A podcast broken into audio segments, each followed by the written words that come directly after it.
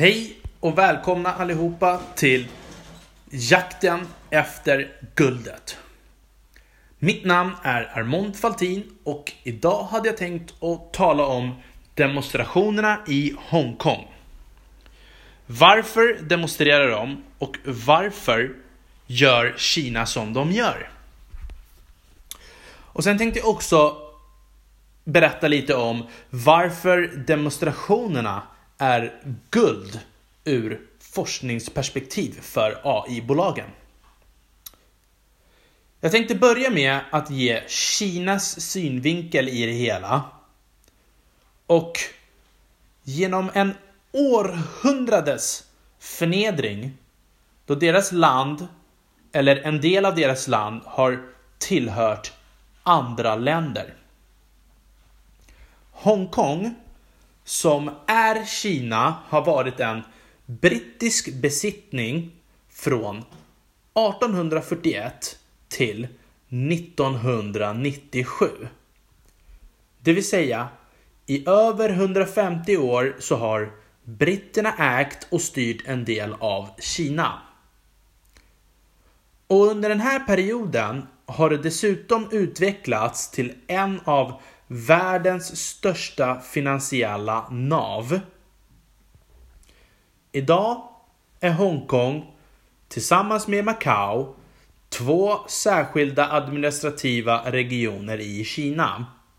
Och Det här betyder att det tillhör Kina och är Kina som land, men de har två system. Och de här systemen ska gälla i 50 år innan Kina får tillbaka sitt land helt och hållet. Så att det helt enkelt inte ska få för stora ekonomiska konsekvenser. Så det här innebär att befolkningen som har levt någorlunda västerländskt i över 150 år eller inte helt västerländsk kan man påstå, men ja, de har haft större yttrandefrihet, pressfrihet och i en mycket högre grad öppen marknadsekonomi. Så nu ska de få 50 år på sig att gradvis vänja sig vid det nya kinesiska styret. Och det innebär att de delvis ska få styra själva. Men 2047, då har det gått 50 år och Hongkong ska trots allt vara Kina. Sen har vi Macao också. Macao är en halvö som ligger 6,5 mil från Hongkong. Macao grundades som en portugisisk koloni 1557 och det var ett viktigt handelscentrum. Så här, i runda slängar, så kan man säga att Macao har varit ägt och styrt av någon annan i cirka 500 år. De förlorade dock sin status 1842 efter att britterna hade anlagt Hongkong. Men efter den portugisiska revolutionen 1974 återupprättade Kina och Portugal sina diplomatiska relationer. Och år 1979 blev Macao ett kinesiskt territorium men under portugisisk förvaltning. Så att 1999 överlämnades Macao till Kina men blev ett speciellt administrativt område. Och även här skulle Macao få 50 år på sig att vänja sig och under dessa 50 år kommer det ha stor politisk och ekonomisk självständighet innan det blir Kina. Så under de här perspektiven kan man ju faktiskt förstå Kina. Att de gradvis implementerar deras lagar och regler. Eftersom det är ju trots allt bara 18 år kvar innan Hongkong blir Kina. Och 20 år kvar innan Macao blir Kina. Så självklart vill Kina påminna befolkningen redan nu att om ni ger bort er så kan ni bli utlämnade till fastlandet. De här reglerna kommer ändå att gälla inom kort. Det här kommer självklart som en chock för Hongkong-befolkningen som levt under friare ramar och eh, nästan lite västländsk naivitet. Som säkert knappt har trott att den här dagen ska komma. Men nu när verkligheten har kommit till ytan och det handlar om mer än bara brottslingar som ska bli utlämnade så slåss de trots allt för sin frihet och sin, sina barns framtid. Många Hongkongbor har också börjat leta i andra länder eh, för att bo i, för deras barns skull. Så att vissa kollar upp sina portugisiska släktband från bland annat Macao och, och ser om de kan få medborgarskap den vägen. Portugal är populärt eftersom kulturen är nära och eh, de är uppvuxna med deras byggnader och har vissa ättlingar från Portugal. Och Vissa kollar också upp medborgarskap via advokatcenter och, och bankmän som har, har, satt upp medborgarcenter uh, för att hjälpa medborgarna att hitta medborgarskap i andra länder. Ofta genom att köpa fastigheter eller ha pengar på banken i, i det landet i fråga som man vill komma in till. Och där har ju Portugal och Australien varit de två hetaste länderna som Hongkongborna just nu söker sig till. Och nu till två.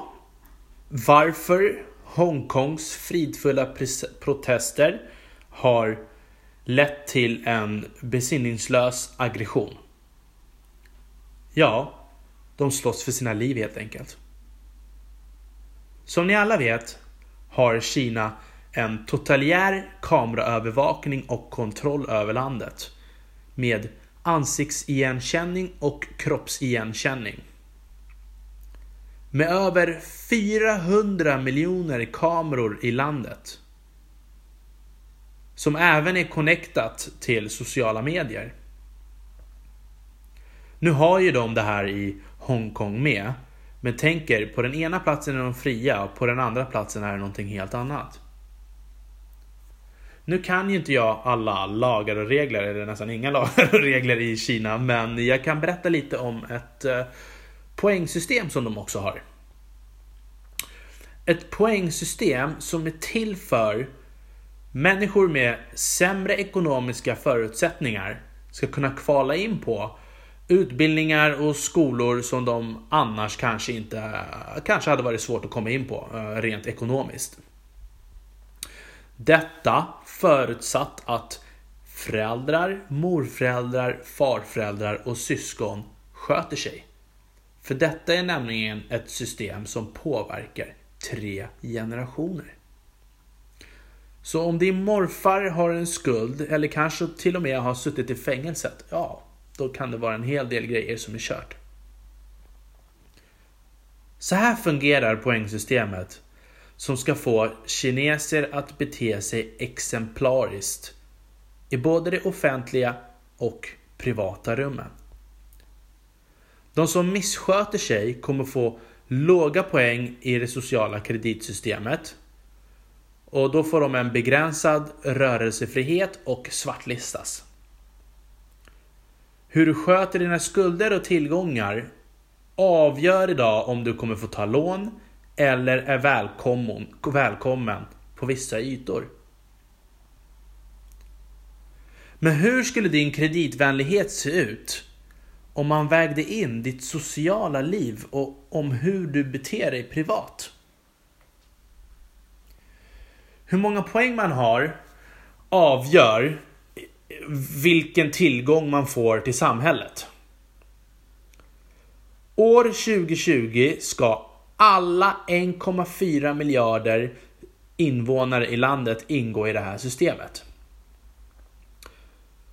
Höga poäng ger bättre synlighet på datingsajter och tillgång till ytor. Alla startar med ett grundkapital på 1000 poäng som sedan minskar eller ökar beroende på hur man sköter sig.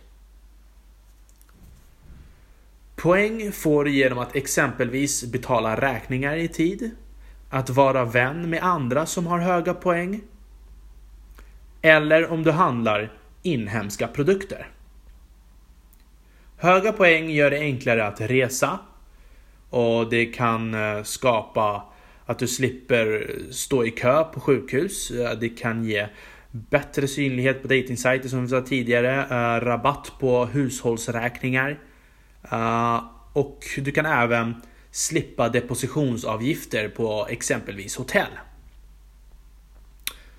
Låga poäng däremot kan hindra en från resor. Och minuspoängen kan man få från bland annat brott mot trafikregler, eh, dataspelsfusk eller överdriven shopping. Eller om man plankar. Så låga poäng kan hindra en från specifika positioner i arbetslivet.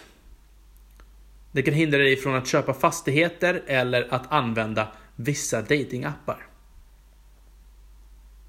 De har verkligen låst in sig på dating. Och nu, nu vet jag att jag kommer skena iväg här, men jag vill bara tillägga. Ni vet väl att vi har en ung, svensk, grym kille som heter Yu Wang. Tillsammans med sin flickvän Sofia Pan sålde de datingappen Tantan för över 6 miljarder kronor. Och de har över 7 miljoner dagliga användare och 20 miljoner månadsvisa användare. Ja, man undrar ju om de här också ingår i detta system. Äh, skitsamma. Nu, nu skenar jag iväg. Nu får vi hoppa av. Uh, medborgare med låga poäng blir svartlistade och får sitt namn registrerat på en lista som företag kan checka av vid rekryteringar och så vidare. Svart, svartlistningen kan man överklaga. Men ja, man undrar ju hur lyckat det är. Gynnar det här de rika eller de fattiga? Idag är det redan över 10 miljoner människor som har blivit drabbade av det här nya systemet. Fram till mars 2018 hade 9 miljoner människor med låga poäng blivit hindrade att köpa inrikes flygbiljetter. Det här enligt Channel News Asia. 3 miljoner hade blivit nekade att köpa första klass. Nu, nu handlar ju det här om lyxsaker som flyg och så vidare, men vi vet inte varför människor behöver flyga. Det är fortfarande andra allmänna ytor som som man blir nekade på, men som man förmodligen inte nämner i de här artiklarna.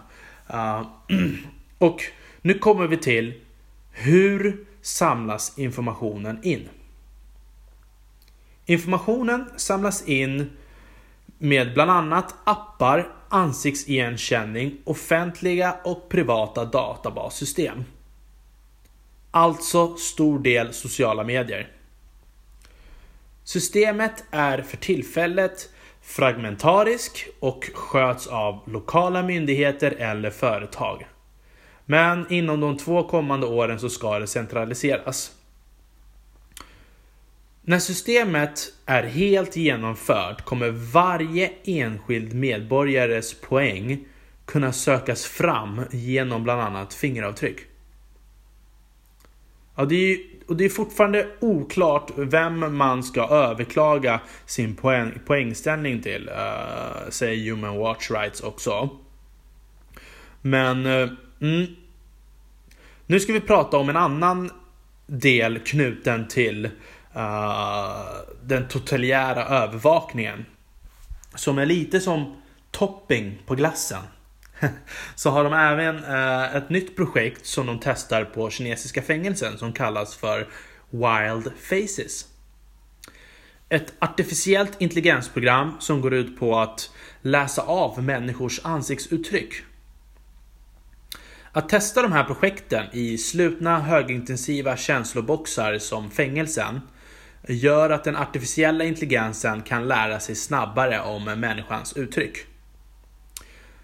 De säger att den är till för att förhindra självmord eller våldsbrott mot andra människor. Så att man kan rycka in och förhindra saker innan det sker. Det här är ju väldigt läskigt då man inte ens får vara arg eller ledsen under extremt pressade situationer. Men eh, detta kommer ju självfallet när det är klart implementeras i resten av landet. Och ja, är det den här stenmänniskan man vill skapa? Vem är egentligen farligast? Det här är ju en skrämmande framtid som idag fria Hongkongbor själva inte vill ge, eller självfallet inte vill ge till sina barn. Uh, även om Hongkong också har totalitär övervakning så har de ju fortfarande inte samma regler. Och vi ska heller inte kasta sten i glashus. För vi håller ju på med ansiktsigenkänning och kroppsigenkänning redan idag i våra svenska klädbutiker. Men vi har ju också andra regler. Ja, hur som haver. Nu ska vi tala om varför de här demonstrationerna och protesterna har varit guldläge för AI-bolagen eh, vad det gäller kameraövervakningen. I samband med de här protesterna har AI-bolagen nämligen inte klarat av att räkna den totalitära befolkningen som har varit med och demonstrerat. Och det finns en del luckor som gör att de inte har klarat av att räkna mängden människor själv. Det bolag som har lyckats räkna bäst har endast kommit upp till 285 000 människor i folkhavet. Vilket sägs vara ungefär en fjärdedel av den riktiga siffran. Men eftersom det är den högst officiella beräknade siffran från en dator så är det de siffrorna som gäller. Det finns en del fallgropar som AI inte klarar av. Luckorna som gör det svårt för AI att beräkna de här sakerna på egen hand. 1. Alla kommer inte eller går inte samtidigt. Det har visat sig vara ett väldigt stort problem för kameran att räkna ut själv och behöver människans hjälp. 2. Om det är mörkt eller om det är ljust ute har också gjort det svårt för AI-kamerorna att kunna uh, få till beräkningen. 3. Paraplyerna som de har haft har också skapat stor förvirring. Och 4. De har svårt att skilja på människor när, de tittar, när många tittar på mobilerna samtidigt. Och alla de här parametrarna har visat sig skapa nästan som en färgblindhet eller tunnelseende för kameraövervakningen. Så att eh, det är tydligt att AI övervakan fortfarande lider av barnsjukdomar och eh, detta har varit ett ypperligt tillfälle för bolagen att experimentera i den här stora skalan uh, över en sån här lång period också. Det är ett drömläge för tekniknissarna helt enkelt. Uh, men det är också ett bevis på att människan kommer att få leda datorn troligtvis en lång tid framöver. Vi har ju trots allt levt längre. ja. Men en konstig tanke också. Varför har människor ändå större tillit till en dator? Ja, det kan man ju fråga sig. Det här var allt för idag. Tack så mycket. Och källinfon angående AI-övervakningen kommer ifrån Inside China Podcast som produceras av South China Morning Post. Jakten efter guldet mina vänner. Vi ses igen nästa vecka med vänliga hälsningar Armand Faltin.